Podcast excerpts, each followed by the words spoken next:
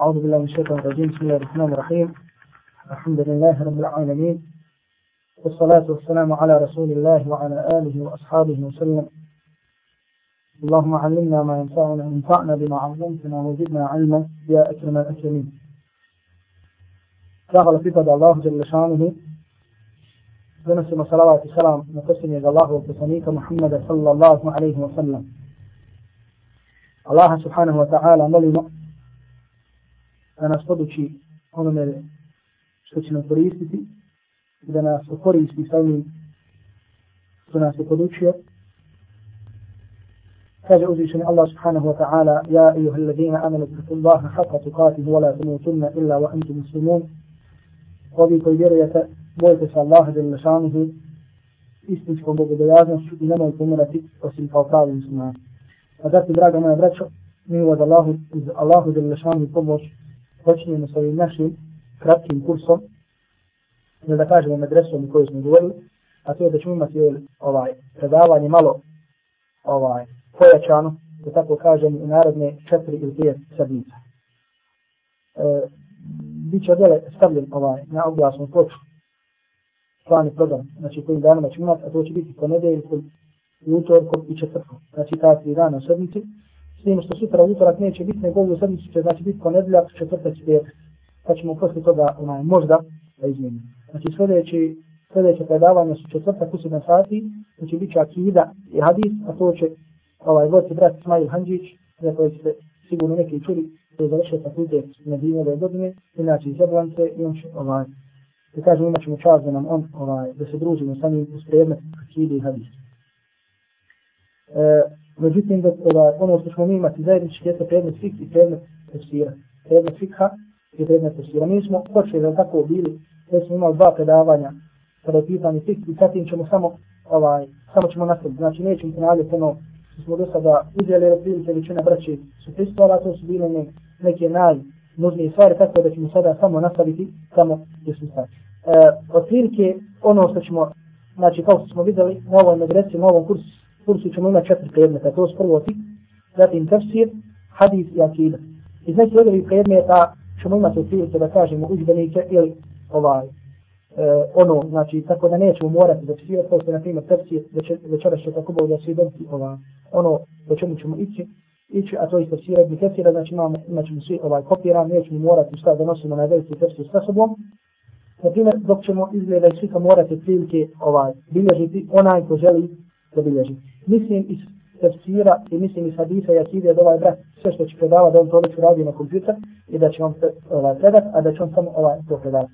Normalno kada je u pitanju pisanje, ko želi da piše, ko ne želi da piše, to se vraća na svaku osobu, na samog njega, zato što ćemo također e, nakon što završimo s ovim kursom imat ćemo ispit.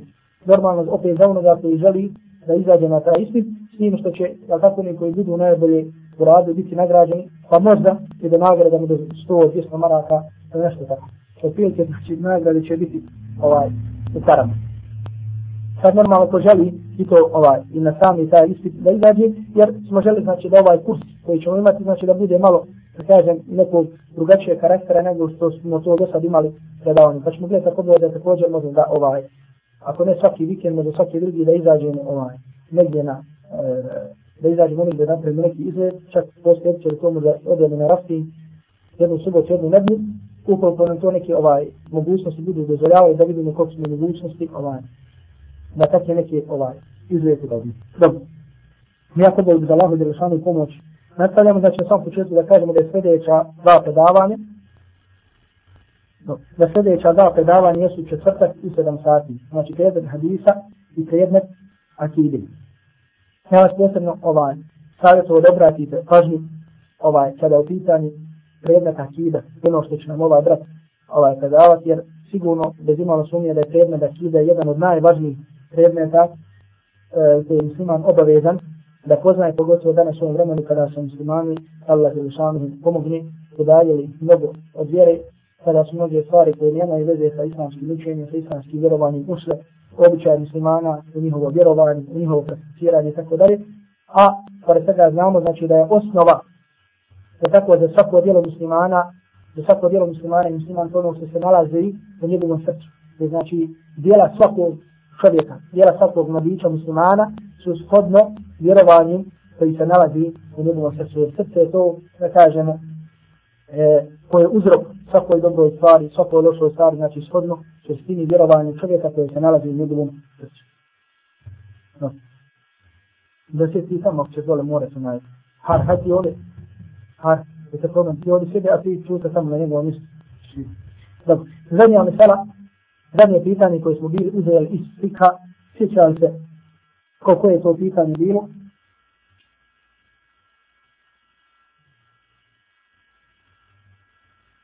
To je bilo pitanje mezija. Da tako, to je bilo pitanje mezije, a to je, da kažemo, tečnost koja izlazi iz čovjekovog polnog organa prilikom nadražaja ili prilikom prava. Također ono što smo bili spomenuli jeste da smo rekli da postoji više stvari, da kažemo, koje, e, znači, sa šarijatske strane to tretiramo, ra, e, nazivamo raznim imenima koja izlaze iz čovjekovog polnog organa. A tako imamo, je tako nešto što se zove mokraća. I poslije mokraće čovjek je šta obavezan da učini, posle mokraće čovjek je obavezan samo da se abdesti. Odnosno kada želi da obavi namaz, potrebno je da se abdesti, znači poslije mokrenja nije mu obavezno nikakvu put. Na primjer, međutim, kada čovjeku izađe nešto što se zove menija, a to je sperma, što nazivamo spermom, u tom slučaju čovjeku potrebno da šta? Potrebno je da se okupa. Sve jedno da li bilo izgledak je spermio bio u snu ili bio na javi, čovjek je obavezno kupanje. Dobro, pored sada ove dvije stvari koji su većini, ovaj, da kažemo naše raje poznati, postoje dvije stvari koje su manje poznati. Zato dosta se puta dešava da ljudi pitaju da li su obavezni poslije izlaska ovih stvari da se kupe ili ne. A to je, imamo nešto što se zove vedija. Vedija. A to je e, također, e, da kažemo, ono što izlazi iz čovjekovog polnog organa nakon napornog mokrenja. Znači to nešto poput suzi. To se naziva lebija. I ono izlazi kada poslije napornog mokrenja. U tom slučaju čovjek je obavezan šta? Potreban je šta? Da opere, opere svoj polni organ i da se abdusti i ništa više. Znači nije potrebno nikakvo kuće. Također jedna od stvari koja izlazi iz čovjekovog polnog organa je ono što se zove mezija. Znači prvo je bilo lebija, sada je mezija. To je da kažemo što izlazi, točnost koja izlazi iz čovjekovog polnog organa nakon prilikom nadražaja. Znači prilikom razmišljanja o polnom odnosu ili kada čovjek hoće da ima polni odnos sa ženom, pa prije, na primjer, ono što izlazi, ukoliko se, na primjer, djeti da čovjek ne bude imao polni odnos sa ženom, to što izlazi, ono se naziva mezija. E, šta kada u ovom slučaju čovjek treba da uradi nakon izlaska te tečnosti? Čovjek, kod broj jedan, nije obavezan da se pita. Nego mu je obavezno samo da opere svoj polni organ i da uzme abdest i riješio je svoj problem. I riješio je svoj problem. To i rekli smo, spomenuli smo hadis od Alija radijallahu ta'ala anhu, koji je zabilježi imam Bukhari i imam Muslim, da kaže Alija radijallahu ta'ala anhu, kuntu rađulan madza'an. Hazreti Alija radijallahu ta'ala anhu kaže, bio sam čovjek kojem je izlazila mezir, madza'an. kaže, an as'ala Rasulallahi sallallahu alaihi wa sallam li makanati ibnatihi minni. A sam kaže, stidio se, da upitam Allahu poslanika sallallahu alaihi wa sallam o tome radi položaja njegove čerke kod mene, zato što sam bio zef, a pa me bio stid da upitam to radi toga što ovaj, eh, Hazreti Fatima je bila moja žena, to je njegova čerka. Pa kaže, poslao sam Miku da ibn Aswada, jednog od ashaba da pita Allahu poslanika sallallahu alaihi wa sallam o tome, pa je rekao, ja mu cijelu zekara huva je to Kaže, neka opere svoj polni organ i neka se abdesni S tim što je tako, znači poznato nam je da je mezija nešto što je neđaset, što je nečist. Znači, ukoliko padne, kao što je i da bija, prva stvar koju smo spomenuli, znači ukoliko padne na, na odjeću čovjeka, obavezno je, šta? Obavezno je da to opere, znači nije mu dozvoljeno da obavi namaz, a da te, da kažemo, predmete ima na svoj odjeći. S tim što, kada u pitanju vedija, znači ono prvo što smo spomenuli, što izlazi nakon napornog mokrenja, obavezno je da se opere vodom. Obavezno je šta? da se opere vodom. Znači uzme se, rekli smo, vodom se, prospe se voda na to i istijedi se, ili da kažemo, čovjek, znači da voda, da se prospe voda na to mjesto gdje je palata redina. Međutim, kada smo, kada je u pitanju mezija, onda je tu došlo tako da kažemo jedan istisna, ili jedno e, pravilo, jedan izuzetak od pranja, pa je dozvoljeno čovjeku samo, znači ne da prospe vodu, da pere, nego da uzme vodu u svoju ruku i da samo poprska, da samo poprska to mjesto na kojem je palo ono što se zove medije. I to na osnovu hadisa kojeg je zabilježio imam Tirmizi u svom sunanu od Sahel ibn Hunayfa da kaže bio sam čovjek koji je mnogo izlazila mezija pa kaže upitao sam pa se kaže čak i kupo radi toga Pa kaže, pitao sam Allahu poslanika sallallahu alaihi wa sallam o tome, pa mi je rekao dovoljno ti je da uzmeš vodu u svoju ruku, u svoj dan, u svoju šaku i da samo poprskaš. Da samo šta? Da samo poprskaš. Znači nije obavezno pranje, niti cijeđenje, nije dovoljno samo da se poprskaš.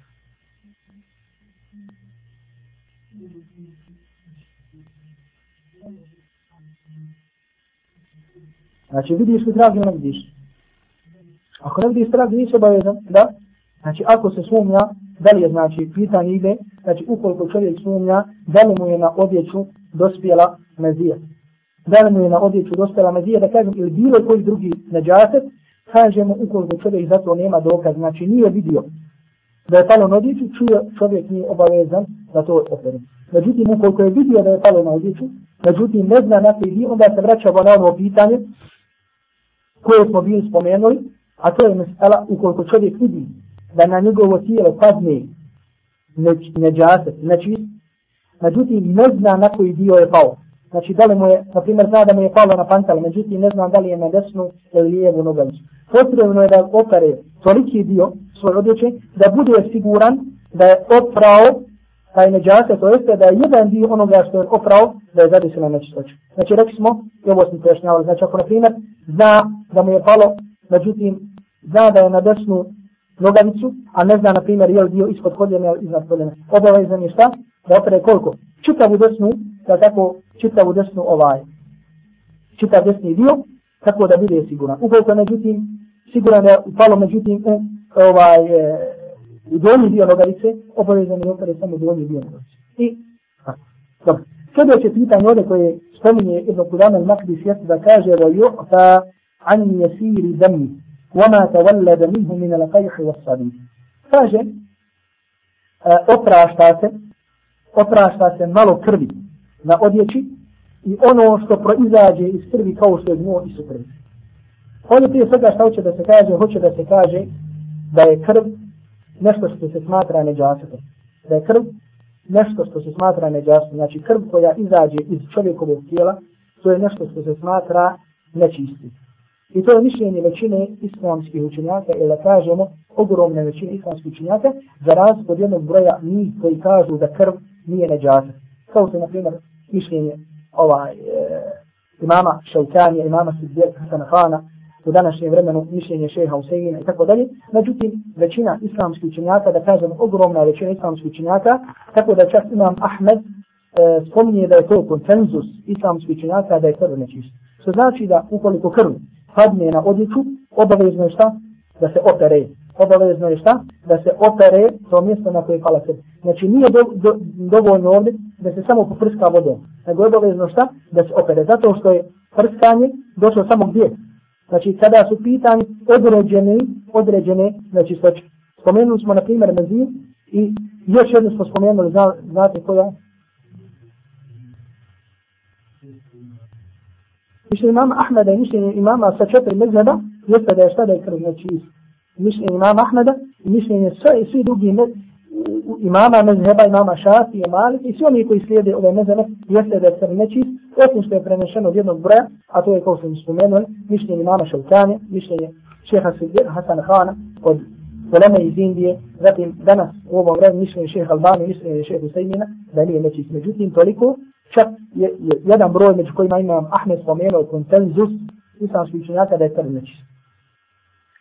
Spomenuli smo još jednu vrstu nečistoće koju je dovoljno da se poprska, a ni obavezni da se opere. Prošliti. Mokrać al koga? Muško djeca koje je šta? To je još doji. Muško djeca koji još doji, znači da nije obavezno da se pere nego muško dijete ukoliko samo doji ne jede hranu i pomoći se, na primjer, na tvoj odjeć u tom slučaju šta, dovoljno je samo da to prskaš, kao što je pitanje mezije i to nosom hadisa koji je došao u Bukari i Znači prvo što smo vidjeli jeste da smo zaključili da je krv neđasat I spomenuli smo tu kao dokaz konsenzus, ali džuma'a to je jedan od dokaza u e, islamskom pravu, znači da kažem u nauci koja se zove usul i fiqh, znači konsenzus koji spominje imam Ahmed, Ahmedullahi, alaihi dobro. Međutim ovdje imam uh, Ibn Kudana al-Makrisi nam navodi mišljenje, to je mišljenje imama Ahmeda, jednog ako ga slijedi, da ukoliko, znači krv, iako je nađatet, da je do, do, dozvolje namaz, da isprava namaz, ukoliko se namaz obavi, međutim, na tijelu bude, na tijelu bude šta? Malo krvi, znači ne puno. Ukoliko, na primjer, čovjek obavi namaz, a na tijelo mu da kažem, na njegovoj koši da kažem, na primjer, olika mrlja od krvi. Namaz je neistina. Međutim, ukoliko bude malo, znači nekoliko kapi se nađu, u tom slučaju, čovjek poslije toga nije obavezan obnavljati namaz, niti je satim u stvari da kažem i satim je dozvoljeno da ovaj, i satim je dozvoljeno da obavi namaz. Dokaz ovog mišljenja jeste što se ovo mišljenje prenosi od jednog broja ashaba. Ibn Kudame nam kaže da se ovo mišljenje prenosi od jednog broja ashaba da su dozvoljavali sa namaz sa malo krvi. Međutim, šta je sada granica malo krvi i puno krvi? Ovdje je, to se vraća na samu osobu koja je ispušana. Znači, ukoliko budeš ti od onih koji si obavio namaz, koji vidiš, na primjer, da ima malo krvi na tvojom tijelu, na tvojoj odjeći, ukoliko ti sam sebi kažeš ovo je malo, onda se to smatra da je malo. Ukoliko kažeš da je puno, onda se to smatra da je puno. Dobro. Sljedeće pitanje, sljedeća mesela koju nam ovdje spominje ابن كلام المقدس يست وماني الآدمي وبول ما يؤكل لحمه طاهر قال هذا سبيل مسألة أتوي prvo da nam kaže da je manija, odnosno sperma, znači ponovo spominjemo ono izlazi iz čovjekovog polnog organa, kaže da je to čisto.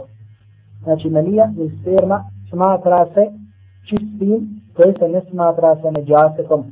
Smatra se čistim, ne smatra se neđasetom. I ovo je mišljenje jednog dijela islamskih učenjaka, a tu prije svega imam Ahmed, zatim imam Šafija, za razpod imama Ebu Hanifa i Malika koji na miju, odnosno sfjerni smatraju nečist, ne, nečistom.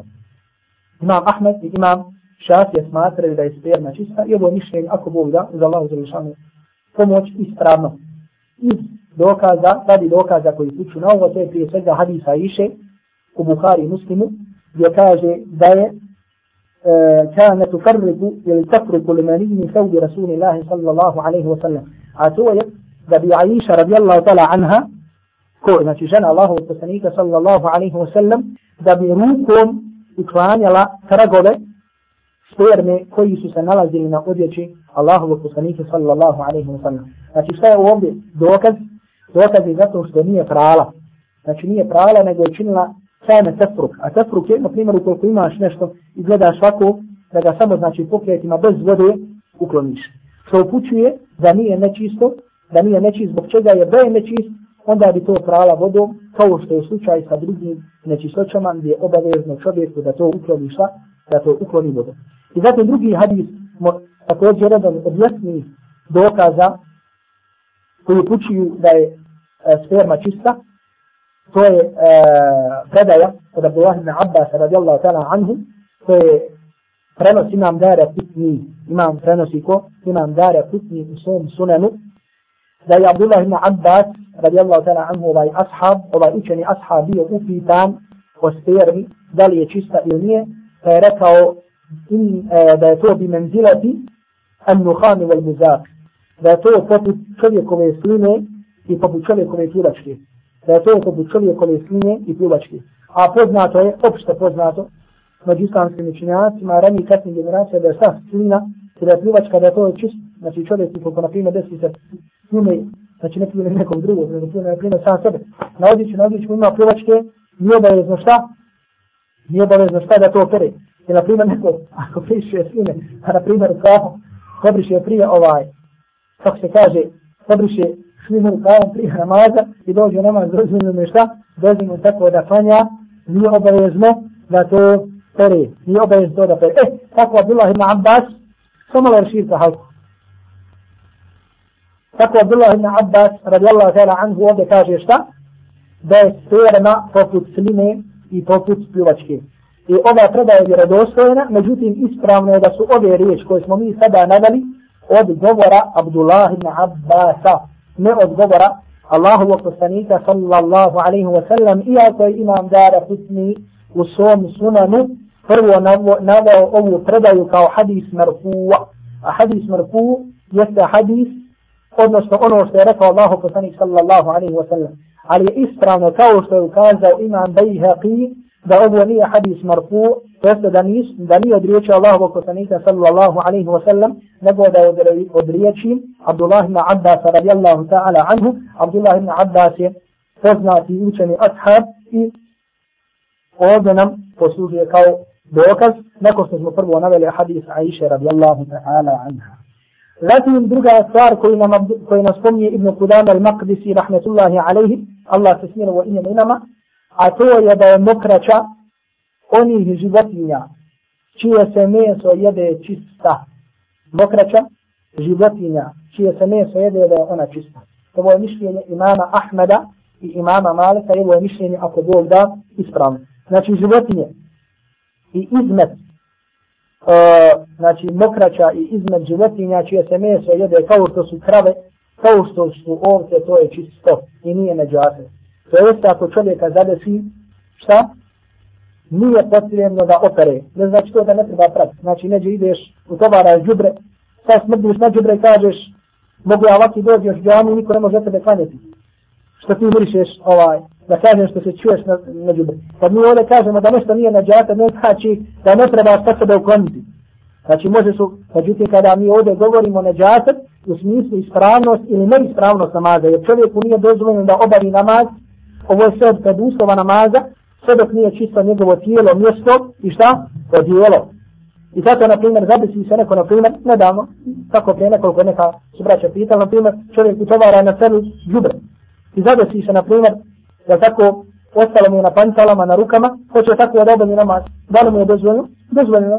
Shodno ovo mišljenje koje smo spomenuli, nema nikakve zapreke da obavi tako, tako namaz. Za razliku od mišljenja koje smo rekli, koji to smatraju nečisti, Međutim, ako Bog da da je ovo mišljenje ispravno i dokaz ovo mišljenje jeste hadis koji se zabilježi imam Bukharija i muslim u svojim sahihima da je Allahu poslanih sallallahu alaihi wa sallam naredio šta? Znali ko ovaj hadis? Ima nešto pijenje. Naredio je ljudima koji su mu došli, koji su se zvali Adem Nidjin, koji su došli i potužio se za bolest u stomaku. Naredio mi je poslanik sallallahu alaihi wa sallam da piju mokraću od bebe. Naredio im je da piju bebinu mokraću. I zato danas bebina mokraća se smatra jednim od veoma, veoma, veoma dobrih lijekova kada je pitanju rak. Ona je ljudi koji voli, na primjer danas u bili što se tako zove, jel, biljnim apotekama, na primjer u arabskom svijetu, i to je jedan od skupnih lijekova, na primjer, ljudi koji boluju od raka, koji boluju, boluju od šećera i tako dalje, piju devino mlijeko i devinu mokraću.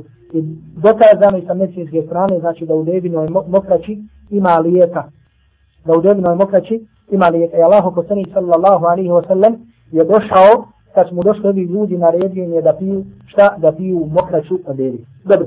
Ako sad neko dođe i kaže, da je to Boži poslanik sallallahu alaihi wa sallam dozvolio u nuždi. Da je Boži poslanik sallallahu alaihi wa sallam dozvolio u nuzbi. Kako može da mu odgovorimo? Ha?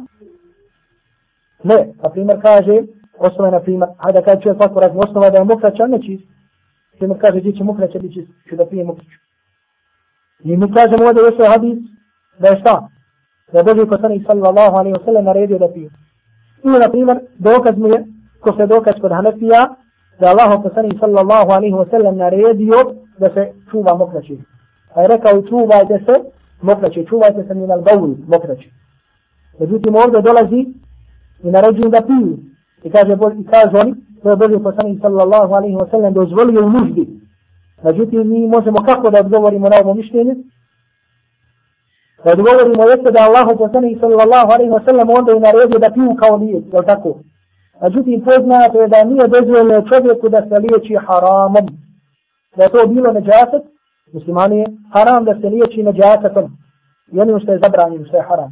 Jer Boži poslanik sallallahu alaihi wa sallam kaže u hadisu, koji je zabilio imam Ebu Davud u svom sunanu, hadis je Hasan, kao što kaže na šeha Abu Qadir, rahmetullahi alaihi, i šeha Albani, inna Allaha anzala da wa anzala dawa fatadabaw wala tadabaw bi haramin kaže Allah poslanik sallallahu alaihi wa sallam Allah je spustio bolest. Ispustio je lijek. Kad se liječite wala tadabaw bi haramin. Ali se nemojte liječiti haramom. Ali se nemojte šta? Liječiti haramom. Pa tako kažemo da je liječenje haramom zabranjeno, pa kako da im je Allahu poslanik sallallahu alaihi wa sallam da ih uputi na nešto da se liječe što je haram. Mada jedan broj uleme, kada je pitan ovaj hadis pijenja mokraće, ovaj hadis koji smo sad spomenuli, E, e, da kažemo sabire ili skupija između ova dva dokaza, pa kaže da je zabranjeno čovjeku da se liječi haramom osim kada je u pitanju nužda. Osim kada je u pitanju nužda i zato je dokaz ta hadis koji je šta? Koji je, je poslanik sallallahu alaihi wa sallam narođio da pije mokraću. Međutim, druga ulema, i to je išala ispravnije mišljenje, da kažemo, suprotno tome dokazuju pa kažu da Boži poslanik alaihi salatu wasalam naredio da se ovim liječe, a Boži poslanik sallallahu alaihi wa neće biti na nešto sahara. Međutim, ispravno je mišljenje, rezime, da je, znači, izmet životinja čije se meso jede čisto, znači da nije potrebno da se od toga pere i da je normalno liječenje sa nečim što je haram zabranjeno. Znači da se čovjek liječi onim što je zabranjeno, to mu je haram nije dozvoljeno. Osim, osim, ponovo kažem, opet su islamski činjaci napravili izuzetak, jer jedno opšte pravilo na to upućuje, osim u slučaju nužde. A to je, na primjer, opet je to, da kažemo, uslovljeno. Znači, na primjer, ukoliko čovjek dođe bolestan, i, na primjer, kaže mu taj taj doktor, mora se liječiti, na primjer, stavlja za sebe svinsku masu. Primjer, ili rakijom. Na primjer, da rakijom, šta ja znam, masiraš određene dijelove. Nećeš li grlo? Jel ima oni koji se liječe rakijom, pa masiraju grlo rakijom. Dobro. Međutim, ovdje, na primjer, kaže ti maži se rakijom. Dobro, mi kažemo, jer vidjet ćemo kasnije ispravno mišljenje da je alkohol neđatet. I to je nešto što je neđatet. Svinska mas pogotovo. Ovdje kažemo dozvoljeno ti je ako ti doktor koji je poznat u svojoj struci kao doktor i čovjek koji je musliman kaže da on ne zna, a to ne znači da je samo to lijek za tu bolest. Ima inšala drugi lijek koji je halal koji je lijek za tu bolest. Međutim, medicina nije došla na taj stupanj da zna lijek za tu bolest, na primjer koji je halal, osim zna nešto što je haram. Ukoliko ti doktor koji je šta, povjerljiv, kao što navodi Ibn Abidin u svojoj haši, doktor koji je povjerljiv, koji je poznat po svojoj struci, znači ne tamo neki bez veze, nego poznat kao dobar doktor, poznat kao musliman, znači, da kažemo, drži se vjera, znači ne sve hajde pusti vjeru, kaže ti da je to jedino što on zna da je lijek za tu bolest. U tom slučaju šta? Uzet ćemo taj lijek, pa makar su posto bili ubijeđeni da je taj lijek šta? Da je nešto haram, međutim to je radi nužde. To je radi nužde, jer opšte šarijatsko pravilo kaže, ad daruratu tu bihul mahdurat, da nužda dozvoljava ono što je zabranjeno, a to se sve opet temelji na, hadi, na ajetima, prije svega u kojima Allah Želešanu kaže, ko bude u nuždi, da šta, na primjer kada se zabranjuje svinsko mjesto, zabranjuje se ovo, kaže ko bude u nuždi, da mu je to dozvoljeno. Znači čovjek koji će, na primjer, umrijeti od gladi, koji će umrijeti od gladi, nema osim svinsko mjesto. Da li mu je dozvoljeno da pojede? Dozvoljeno mu je da pojede. Ja tako? Ajet su poznat. Međutim, imamo sad jedno pitanje, mimo ovoga. Čovjek, na primjer, gladan u rat, ima pred sobom svinsko mjesto.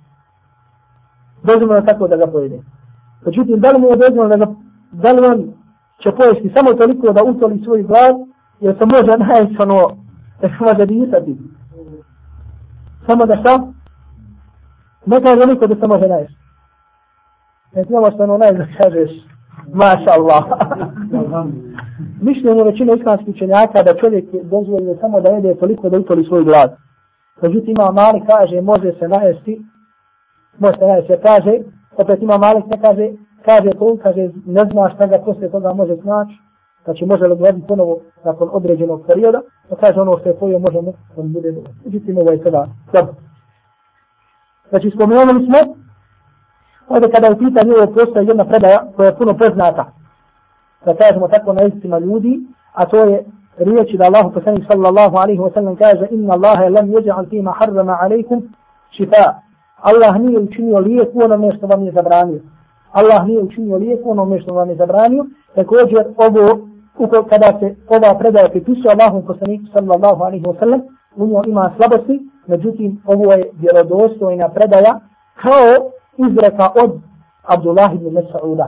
Kao izreka Abdullah ibn Mas'uda, kao što kaže šeheh Albani, rahmetullahi alaihi u svojoj silsili. Jer nekada, na primjer, imamo određene predaje, određene hadise, nekada se prenose kao riječ Allahovog poslanika, a nekada kao riječi ashaba. Pa ulema hadisa, da Allah je šanu nagradi je ta koja nam je sa svojim ilmom, sa svojom naukom, ukazuje da li je ispravno to da se prenosi od Allahovog poslanika ili pa od nekoga ashaba. Videli smo malo pri spomenutoj predaji, da šta? Da se ona predaja da je ispravno, iako se prenosi od Allahovog poslanika, međutim ispravno je, kao što kaže nam Bejhati, da su to riječ od Abdullah ibn Abbas radijallahu ta'ala anhu. Tako čisto slučaj ovdje. Znači ove riječi su prenose se vjerodostojnim senedom, međutim kao riječi Abdullah ibn Mas'uda. Međutim kada se prenose kao riječi Allahu poslanika sallallahu alaihi wa sallam, onda u njima ima slabosti. Onda u njima šta? Ima slabosti. Sa ovim smo ako Bog da završili, kada u pitanju propisi koji su vezano na jedan način da kažemo za vode, za ono što je čisto, za ono što nije, ono što je nečisto i tako dalje. Sada prelazimo na poglavlje koje se zove Babul Anir. Poglavlje o posudama. Znači poglavlje o posudama u kojima biva hrana, u kojima stoji voda iz čega čovjek jede, iz čega čovjek pije, pa ćemo vidjeti ono što je prenešeno od sunneta Allahovog poslanika sallallahu alaihi wa sallam u ovom poglavlju. Kaže nam Ibn Qulam al-Maqdisi rahmatullahi alaihi la yajuzu isti'malu anijati zahabi wal fidda fi taharatin wala gajriha. Kaže nije dozvoljeno da se koriste posude od zlata i srebra prilikom uzimanja čistoće, prilikom uzimanja abdesta ili gasura, niti da se koristi mimo ovoga. Znači nikako, nijekom slučaju nije dozvoljeno muslimani korištenje posuda koje su napravljene od zlata i srebra.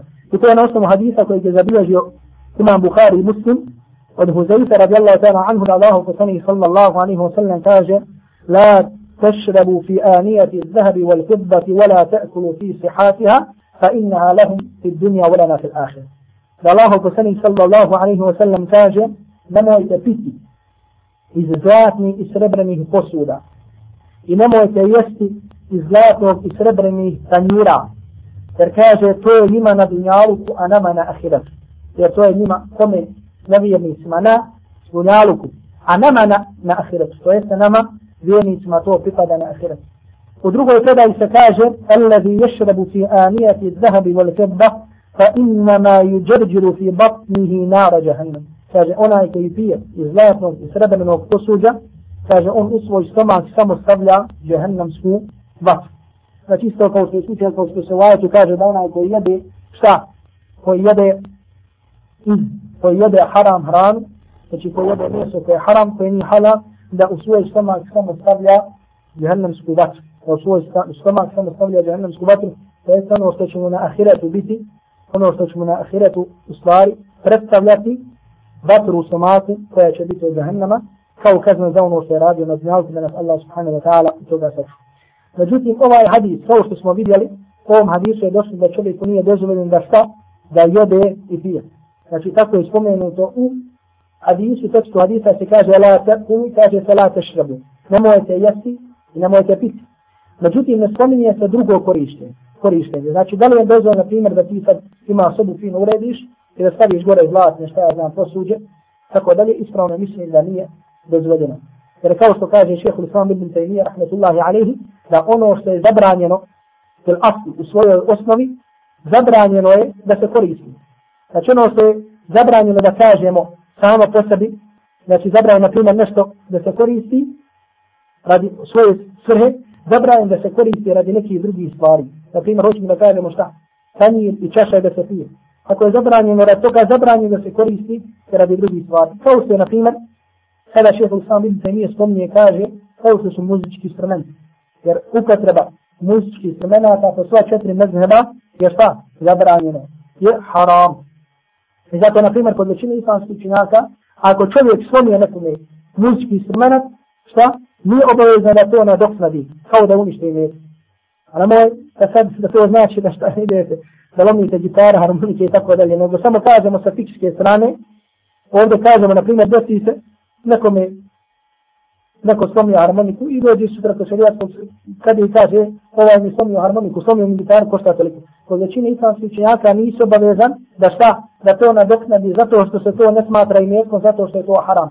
Osim, kod jednog dijela učenjaka nadoknadi ćeš vrijednost, da kažem, onog drveta, na primjer, kojeg si slomio ako je na gitaru. E sad, šta je pojenta? Pojenta je da je ovdje, u sva četiri prihvaćeno mišljenje, u sva četiri mezdana da su muzički instrumenti, da je njihova upotreba zabranjena. Osim razilaženja dolazi gdje? Dolazi razilaženje u desu. E sad, ako nam je zabranjeno, na primjer, da sviramo gitar, je tako? Znači li da je možemo, da je možda, na primjer, objesti negdje ko ukrat? Znači, da nije dozvoljeno. Jer ako je nešto to samo po sebi haram, ako na primjer, šta, loza, zabranjeno sa ti, znači uzmeš ti jednom bosu loze i objestiš negdje, da te podsjeća ili šta ja znam, da te podsjeća na stare dane, bude ti kao ovaj ukrat. Nije dozvoljeno. Znači, ako je nešto zabranjeno rad nekih stvari, zabranjeno da bi svoje osnovi zabranjeno rad drugih stvari, radi čega može da se upotrebljava. Dobro. Sada ovdje Ibn Kajim, ovaj, Ibn Kudan al-Maqdisi kaže, međutim da je dozvoljeno, ukoliko neka posuda bude, da kažemo, e, također da je zabranjeno stvar prije svega je spomenuo, da ukoliko je nešto ovaj, e, zlatom obložen, kako se to kaže? Pozlačen. Znači ukoliko je nešto pozlačen nije samog zlata, također je zabranjeno šta? Da se to koristi. Normalno, nije potrebno da ovdje spominjemo korištenje prstanova, je tako? Također e, je zabranjeno ili nije. Znači, zlato je zabranjeno muslimanima da ga nose, međutim ono je dozvoljeno ženama. Zlato je zabranjeno šta? Muškarcima, međutim dozvoljeno je šta? Ženama. I dozvoljeno je, Allah ne, koji ispravnije ono mišljenje što je mišljenje ogromne većine, je što je ispravno, znači da je dozvoljeno ženi da nosi zlato bilo kakvog oblika.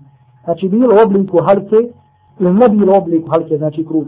Za razliku od ših Albanija, ahmetullahi alihi, koji je imao mišljenje da žene nije dozvoljeno da nosi zlato ukoliko je u obliku halke. Znači, na primjer, prsten, kaže, nije dozvoljeno ženi da ga nosi, zlatni prsten, pa makar se radilo šta, o ženi. Međutim, ispravno je mišljenje da je zlato u bilo kakvom šta, obliku dozvoljeno ženama. Za razliku da je, dok je zlato zabranjeno muškarcima. Međutim, muškarcima je dozvoljeno šta? Dozvoljeno je srebro. Muškarcima je dozvoljeno srebro, međutim opet jedan dio uleme je ukazao da se to radi samo o prstenu. Znači izuzetak svega toga dolazi prsten. Dobro. Međutim, dozvoljeno kada su pitanje posude, kada su pitanje posude, dozvoljeno ukoliko je nešto, na primjer, začepljeno ili, na primjer, e, puklo, to se nekad koristi, mi ovdje spominjem, ovaj, dozvoljeno je ukoliko je, na primjer, zaštićeno sa malo srebra, znači, na primjer, pukla posuda, neka su tako jedino mogli da su ono, što je kao, gdje sad što, znači da zavare, da letuju, to su činili srebrom. Dozvoljeno, ukoliko je, da bi potrebi. Dalje se sve Ibn Kudama al-Makdisi, rahmatullahi alaihi, jeste da je dozvoljeno koristiti druge posude, koliko god da bile vrijedne, mimo zlata i mimo srebra. Mimo zlata i srebra, dozvoljeno je korištenje drugih posuda, koliko god da bila bilo. Znači, bilo drago kamenja, bilo od ovoga, bilo od ovoga. Nema nikakve zapreke muslimanu da to koristi kao ukras, da koristi stube tanjira, da koristi ovo. Znači, samo je uslov da nije od zlata, da nije od zlata i srebra. Dobro. Sljedeće pitanje koje spominje Ibn, Ibn Kudama al-Makdisi, rahmetullahi alaihi, jeste da kaže ويجوز استعمال أواني أهل الكتاب وثيابهم ما لم تعلم نجاستها مش مال بسم الله الرحمن الرحيم. الحمد لله رب العالمين. والصلاة والسلام على رسول الله وعلى آله وأصحابه وسلم. وسلم je u ovom poglavlju nekoliko pitanja da kažemo za nas možda nisu pitanja koja se da smo rekli da tumačimo određeno djelo radi emaneta prema piscu i prema djelu spomenut ćemo i te mesele pa ćemo onda prijeći na ono nešto možda što nas više interesuje. Dobro, to je da sada se govori o upotrebi e, tanjura nevjernika, znači kršćana, židova i tako dalje, znači upotreba njihovog posuđa, da li je muslimanima dozvoljeno ili nije. Kada su pitanju e, hadisi koji govore na ovu temu, naćemo dva hadisa koja se prenose od Allahovog poslanika sallallahu alaihi wa sallam. Prvo je, prvi hadis koji se nalazi Bukhari ili muslim od Abu Sa'alaba al-Hushanija, poznatog ashaba Allahovog poslanika sallallahu alaihi wa sallam, e, gdje je pitao Allahovog poslanika sallallahu alaihi wa sallam i kaže, mi živimo blizu kršćana, ili da kažemo živimo u kršćan, u komšiluku, a u komšiluku imamo ljudi koji su ehlul kitab, a to su kršćani i židovi. Pa kaže, da li da jedemo iz njihovog posuđa ili da ne jedemo.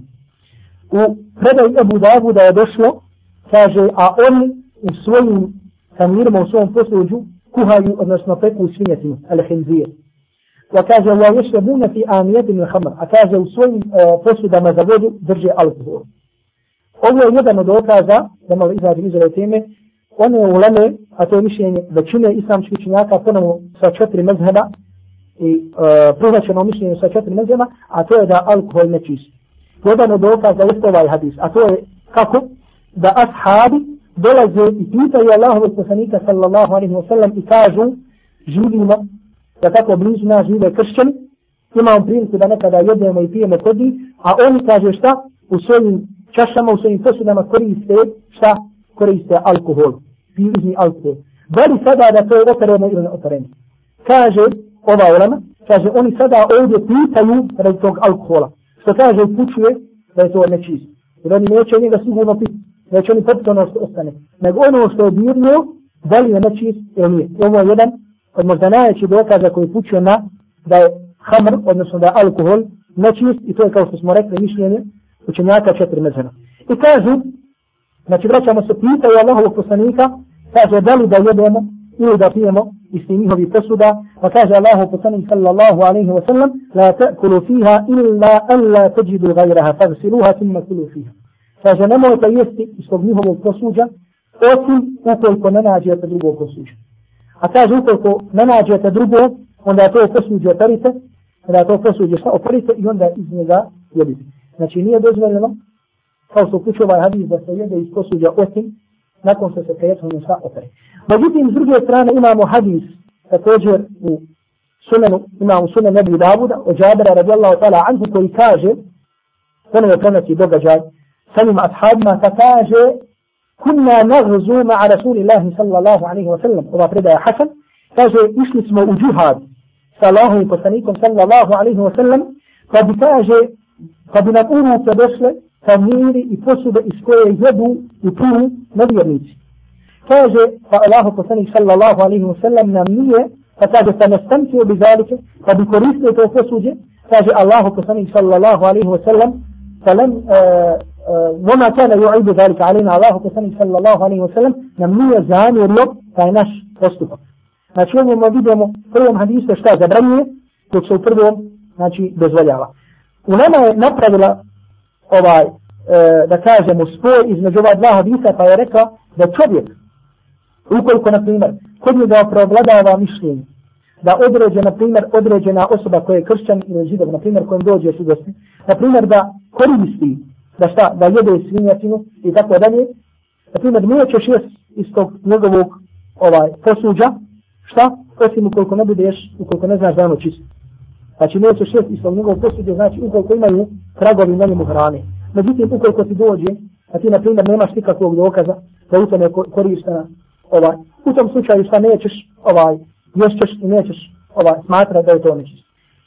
Međutim, ukoliko smatraš, znači ukoliko kod tebe preobladava mišljenje, ukoliko kod tebe provladava mišljenje, da oni ne jedu i ne piju alkohol svog posuđa, onda će dozvan da ga koristiš iako, iako ga šta, iako ga ne opereš. Iako ga šta, iako ga ne opereš, to spomenu, uh, spoju ova dva hadisa. Međutim, ponovno kažemo, da su ovo stvari koje se danas ovaj, uh, rijetko rješavaju, iako možemo prenijeti ovo na neke druga, da kažemo na neka druga pitanja, kao što je, na primjer, pitanje mesa. Znači, pitanje mesa kod čovjeka da li je halal ili je haram. Na primjer, danas imaju ljudi koji kažu da nigde ne smiješ jesti meso. Neki kažu dozvoljno u svim ovaj, mesnicama da sede meso, u svim probancama i tako dalje, da ne pitaš da li halal ili haram. Ali najbolje zna, pitanje se vraća. Znači, e, kako, šta kod tebe provladava mišljenje? Da li ti ljudi koji na halal isprava način ili ne koji? Na primjer, ukoliko bi danas, na primjer, pitali se za ljude koji žive na selu, da li kada koji kažu bismillah ili ne kažu, ali najbolje zna da većina ljudi koji koji na selu, koji su seljaci, i ono, da tako koji možda se ne podržavaju određeni vidova vjere, Allah najbolje zna da spominju bismillah. Meni koliko to znači da većina njih kada je da spomene bismillah. I zato ukoliko dođe čovjeka, na primjer, tako koji je tako, e, tak, na takav način zaklao meso, nisi obavezan da pitaš i nisi obavezan da sumnjaš to njegovo, ni će sumnjati to njegovo meso, nego ko preogledava mišljenje, šta? Znači da ti ljudi konju na ispravan način i ti ćeš to je.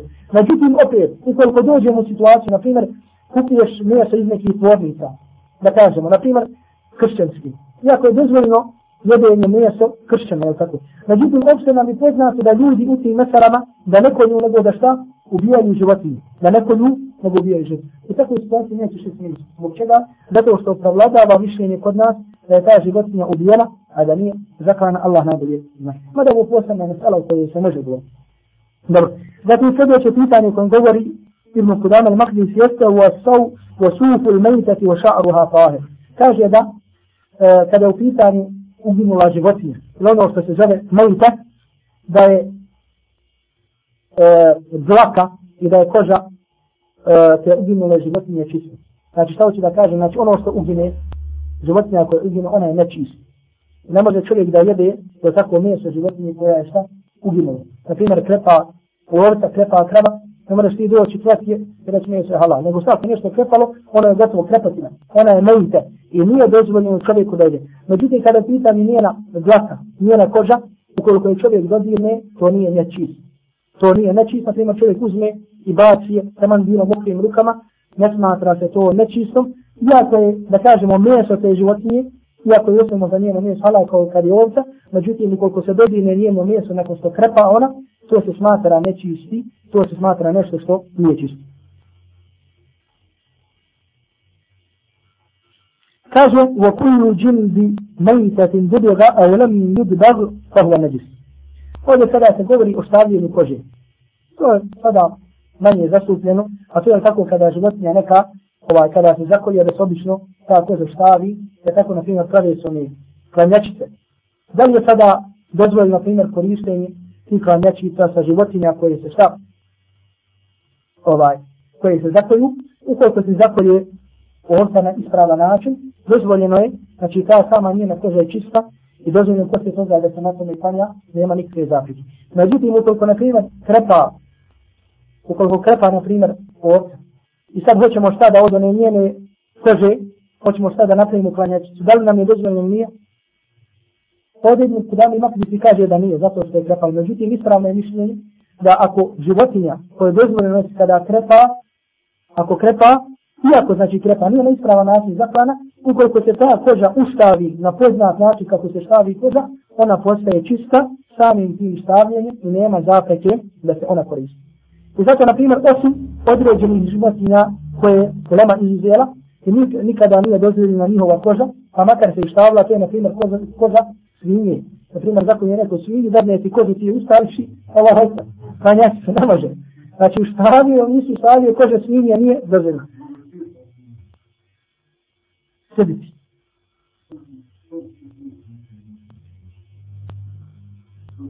Ukoliko sediš, nisi, ukoliko ona sluha tvoje, kako se kaže, ona, sluha nisi one džasiti. Međutim, da li je dozvoljeno, nije, to ne znam. Allah ne znam. Za sljedeći put, šala, može biti. Međutim, da li je dozvoljeno, ukoliko se stavi, na primjer, koža od šuke, pa smo ne znam da je dozvoljeno. A smo ne znam da nije dozvoljeno stavljanje kože dva hajvana. Prvo je svinja, drugo je čovjek. Znači prvo je svinja, a drugo je čovjek. Zbog svega ta rekao hajvana, zato u arabskom jeziku i za čovjeka se kaže da je hajvan. Ali kaže sa hajvanim, znači hajvani su ono što ima života, sve što ima hajat. Haja znači šta život. Haja znači život. Od toga dolazi hajvan, ono što ima život. Međutim, na primjer, tamo u logici se kaže, ili drugi naukama kaže da čovjeka hajvanu nati, hajvan koji priča. I zato se da neko kaže hajvanu, to se ljudi, ali ja sam, ja sam hajvan natik, hajvan koji zna, kako se kaže šta, zna da priča. I zato kažemo, nije dozvoljeno da se ustavi koza koga je čovjeka, znači ne radi njegovog neđaseta, nego radi počasti prema čovjeku, i druga stvar nije dozvoljena svinja, to je u hanefijskom mezhebu. U šafijskom mezhebu dodaju još i psa. Dodaju još šta? I psa kod njih nije dozvoljena ni da se stavi koža psa. Ima jedna priča, a to je da jedan radar nije znao koji će mezheb da izabere. Jer obično prije, prije kad je bilo, ona je vladar koji vlada, koji je on mezheba, on taj mezheb nametne i ljudima. Na primjer, nametne da se kadije, ako je na hanefijskog mezeba, da se kadije sude po hanefijskom mezebu ili po šafijskom i tako dalje. I sad bio jedan vladar koji je razmišljao hoće da bude hanefijskog ili šafijskog mezheba. Hanefijskog ili šafijskog. I kaže da vede dvojicu učenjaka, jednog hanefijskog mezeba, jednog šafijskog mezeba, da mu obave namaz po svojim mezhebima, pa da će onda vidi koji je ljepši i tako dalje, da ga prihvati. I sad ovdje pojenta što je svaki, na primjer, Hanefija cijelo da klanja namaz šafije. Znači da uzme one stvari gdje je dozvolje namaz, a na primjer koje su čudne malo. I tako da ga omrzne taj mezheb svog šta prijatelja, tom vladaru. Pa kaže, došao ovaj učenjak šafijskog mezheba, kaže, skinuo se go i uzeo kožu od čuke i ogrnuo se sa njom. Uzeo šta? Zbog čega? Zato što kod Hanefija jel, koža od čuke, ako se uskladi, ona je šta čist i ogrnuje se to. I kad treba da kaže Allahu Ekber, kaže Allahu Ekber, ali na perzijskom. Zbog čega? Zato što Hanefije dozvoljavaju da se Allahu Ekber kaže na perzijskom. Jedno mišljenje u mezeru. I kaže kada je sve odavi namaz, Allahu Ekber, klanio brzo i sa proštenjem prije nego što će predati selam, pusti vjetar. Pusti šta? Vjetar. I kaže Allah, ovo ti je, ovako ti je namaz po hanefijskom mezeru. Ovako je namaz po hanefijskom mezeru. Sad ovaj hanefija šafi isto ono tako učin. A šta je ovdje pojenta? na primjer? on je uzeo, na primjer ono što, jer u svakom mezeru ima nešto što je da kažemo malo ljudima čudi. Naprimjer, on je ovdje da hanefija uzao, šta, da, da je čukeća kožak sustavi da je čist. Da je uzeo mu mašto, da tako kažemo, da je tekbir na perzijskom, šta, dozvoljen. Kod hanefija također, kada je pitan zadnje sjedenje, u uslovi je prvi tešahud, u uslovi samo je tahijat. Odnosno, ako proučiš po hanefijskom mezhebu, etahijatu ili koliko sjediš, koliko možeš proučiti etahijatu, iako ne proučiš etahijatu, nego sjediš koliko je njegovo dužino, ako poslije toga izgubiš abdest na neki način, kažu namaz je ispravan. Namaz je ispravan, međutim, obavezan si, ono što kažu iz razlike ili farza i vađima, treba ga ponoviti, ali ne ona stroga obaveza. Nema to jedno od mišljenja, kako se kaže šta, to je jedno od mišljenja u mezemi. I sad je htio da prikaže ružni, ružni hanefijski mezem, izabrao je tako te neke stvari, koje šta, i da ga predstavi. Je to ovdje kad smo sad spominjali, međutim, da, mislim, da ne pomisli neko da ovo šta kritika hanefijskog mezema, jedan od mezeba, četiri strana mezeba, kao svi drugi mezeba. Ili, na primjer, kao što imam za mahšari, imam za mahšari je bio poznat po svom žestokom jeziku. Smisli da se puno ismijavo drugo ilami. A jedne je prilike, kako kada govori o sva četiri mezeba, spominje kakve je slične stvari sa četiri mezeba i sa njima se smijava. Pa na primjer ima rivajet u malikijskom mezhebu da, da je dozvoljeno da se jede meso od čuke. Ima mišljenje u malikijskom mezhebu da je dozvoljeno čukeće meso da se meso taj jede. I on kaže, šta kaže, ako mi kažete da sam malikija, kaže kako ću biti malikija kada oni jedu ču, meso od čuke. Kako ću biti malikija kada oni jedu meso od čuke. Kada spominje na primjer šatijski mezheb, kaže kako ću biti šatija kad po šatijskom mezhebu mogu da oženi svoju čerku. Po šafijskom mezabu mogu da oženi svoju čerku kako? Imam šafija kaže da ako je e, čerka van bračna, da se to ne smatra čerkom, da se ona ne smatra šta? Čerkom, da čovjek, iako bi oženije, kaže to je pokuđeno, ne kaže da je haram. A da drugi dio uleme smatra to riječi kerihe ili kurihe, kada imala šafija da ono u stvari tiče na haram. Ne isto, dobro. Kaže da se zalike alizamuha i također kosti od mejta, od onoga što je krepalo, također su nečisti. Kaže o kullu mejitetin neđisatun i kaže sve što krepa to je nečist. Znači postalo je nečist, osim što smo rekli, osim kosti od tog mejteta i osim kože, i također osim čovjeka, insana, znači insan kada umre, kada je mejit, on se je tako kupa, međutim ne kupa se zato što je postao neđasit. Ne kupa se zato što je postao neđasit. I čovjek ukoliko dobije mejita, ukoliko e, čak poljubi ga, što je pohvalno, nema nikakve u tome zapreke i čovjek bio živ, bio mrtav, on je čist. Je sad ovdje zbunio wa hajvanu il-ma'i la ja'iš illa fihi. Životinje, na primjer, koje žive samo u vodi. Ukoliko krepaju u vodi, ne smatraju se nečisti. Ne smatra se nečisti, odnosno neće poganiti vodu. Na primjer, riba, ako krepa, znači nema nikakve u tome zapreke. I druga stvari, također, one stvari kaže se što nemaju dušu. Odnosno, nema كرب الله نبي زاد تو زاش كوسنا في مرموم هاي سقط ده يكون كفر قانوني في. بس سبعة كوزا دي يست بعد قضاء الحاجة كوزا دي أو ماشي قبل يعني؟ نزدين.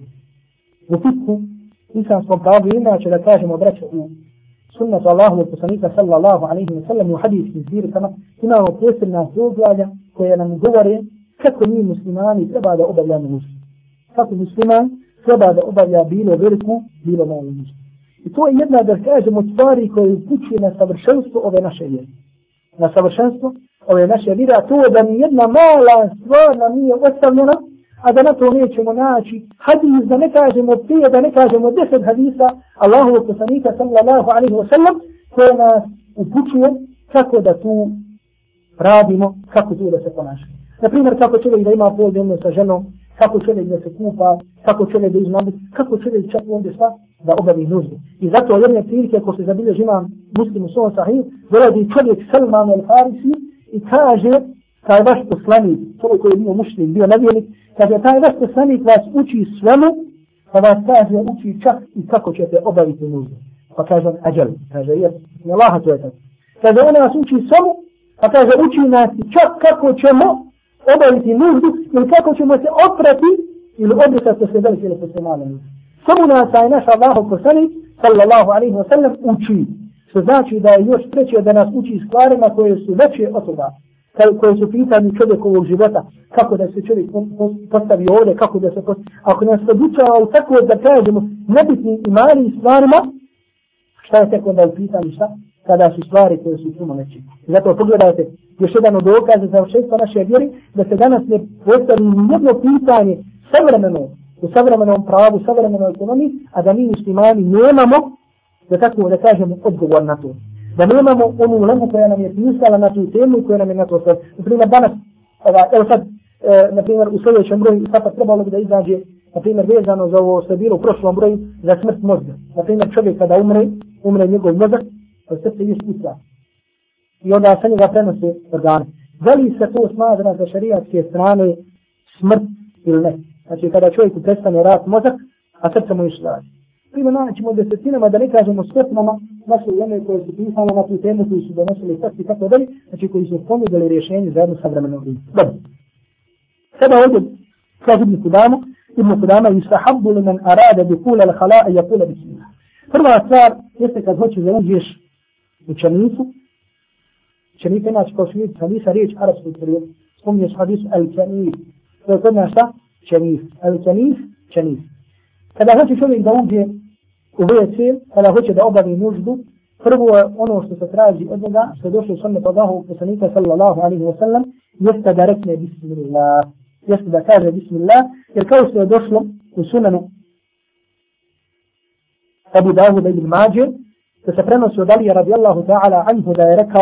da Allah poslanik sallallahu alaihi wa sallam rekao, sitru ma bejna l-džinni wa avrati bani Adam iza dakhala al-kanifa a yakula bismillah. Kaže ono što je e, zastor između džina i između avreta sinova Adamovih jeste da kažeš bismillah kada hoćeš da uđeš u čanifu. Da kažeš bismillah. Šta ovdje hoće da se kaže? Ovdje hoće da se kaže Pa tako znamo da su pogotovo ta mjesta gdje čovjek obavlja nuždu, gdje se obavlja nužda, da su puna džina i šeitana. Da su puna čega? Da su puna džina i šeitana. I sada čovjek je tako, kada uđe u halu, on skida sa sebe, skida sa, skida sa sebe i normalno vidi se njegov auret, vidi se njegov auret. Međutim, ovdje, kada čovjek uđe, ako rekne bismillah, ako rekne bismillah, onda, da tako, džinima nije omogućeno da vide njegov avret i znači kaže Allah poslanik pa neki na zastor između džina i avreta. Čovjeka jeste da kada uđe u halu da rekne Bismillah. Drugo se je ovaj hadis je hasan. Drugo se je preneseno od sunnata Allahovog poslanika sallallahu alaihi wa sallam jeste da kada čovjek uđe također u halu, da također prilikom pored Bismillah da prouči dovu to nam je više svima nama poznato, a to je Allahumma inni a'udu bika min al-khubisi wal khaba'isi. Allahumma inni a'udu bika min al-khubisi wal khaba'isi. Allahu ja se utječem od hubsa, od onoga što je ružno i od khaba'isi. A khaba'isi su džini. Džini muški i ženski, znači bilo muški i bilo ženski, al habais znači džin, to je žina riječi hadise. Znači čovjek se uz, u, uh, utječe Allahu Đalešanu kada uđe, zato što su ta mjesta, znači gdje se džini okupaju, uči Allahu, kaže da Allah Đalešanu da ga sakriva od tih džina, koji kasnije čovjeku mogu pouzrokovati problem, na uzbila i tala da uđe čovjeka i tako dalje, kao što smo svjedoci ljudi koji su bolesni od džina. Ovo je također ovaj hadis, danas je Bukhara i Muslim kada je pitan ova doba, ili kao što je došlo u predaju koje je zabilio Ibn Abi Shayba, a šeha Albani kaže da je jer, e, predaj je vjerodostojna, a to je da bi Allahu poslanik sallallahu alaihi wa sallam kana iza dekhala eh, al-kanis, eh, poslanik sallallahu alaihi wa sallam, kada bi ušao u kenis, odnosno šta u kenis, eh, da bi rekao Bismillah, Allahumma inni a'udhu bika min al-kubisi wal khaba'is. Znači ovdje se prenosi praktično ova dva hadisa koje smo spomenuli, a to je da šta? Da da se kaže da se rekne Bismillah i da se prouči ova doba, ovdje vidimo kako, znači prenosi nam to musami na od Ibn Abi Shaybe da Allahu poslanik sallallahu alaihi wa sallam kada bi ulazio, da bi rekao Bismillah, Allahumma inni a'udhu bika min al-khubthi wal khaba'ith. Dobro. Zatim kaže Ibn iza kharaja qala gufranaka, alhamdulillahi alladhi azhaba anni al-adha wa afa. Kaže, a kada izlazi, kada izlazi išćenik, onda će reći šta? Gufranek. Gufranek znači šta? Hm? Oprosti mi. Ili gufranek inače znači oprost. Gufranek tvoj oprost. Ovdje, ovdje je spomenut objekat, međutim nije spomenut glagol, a to znači tražim tvoj oprost. Tražim tvoj oprost. Znači Allah poslanik sallallahu alaihi wa sallam kada bi izlazio iz čenice, či s obzirom da je misli gdje tada nema neđateta.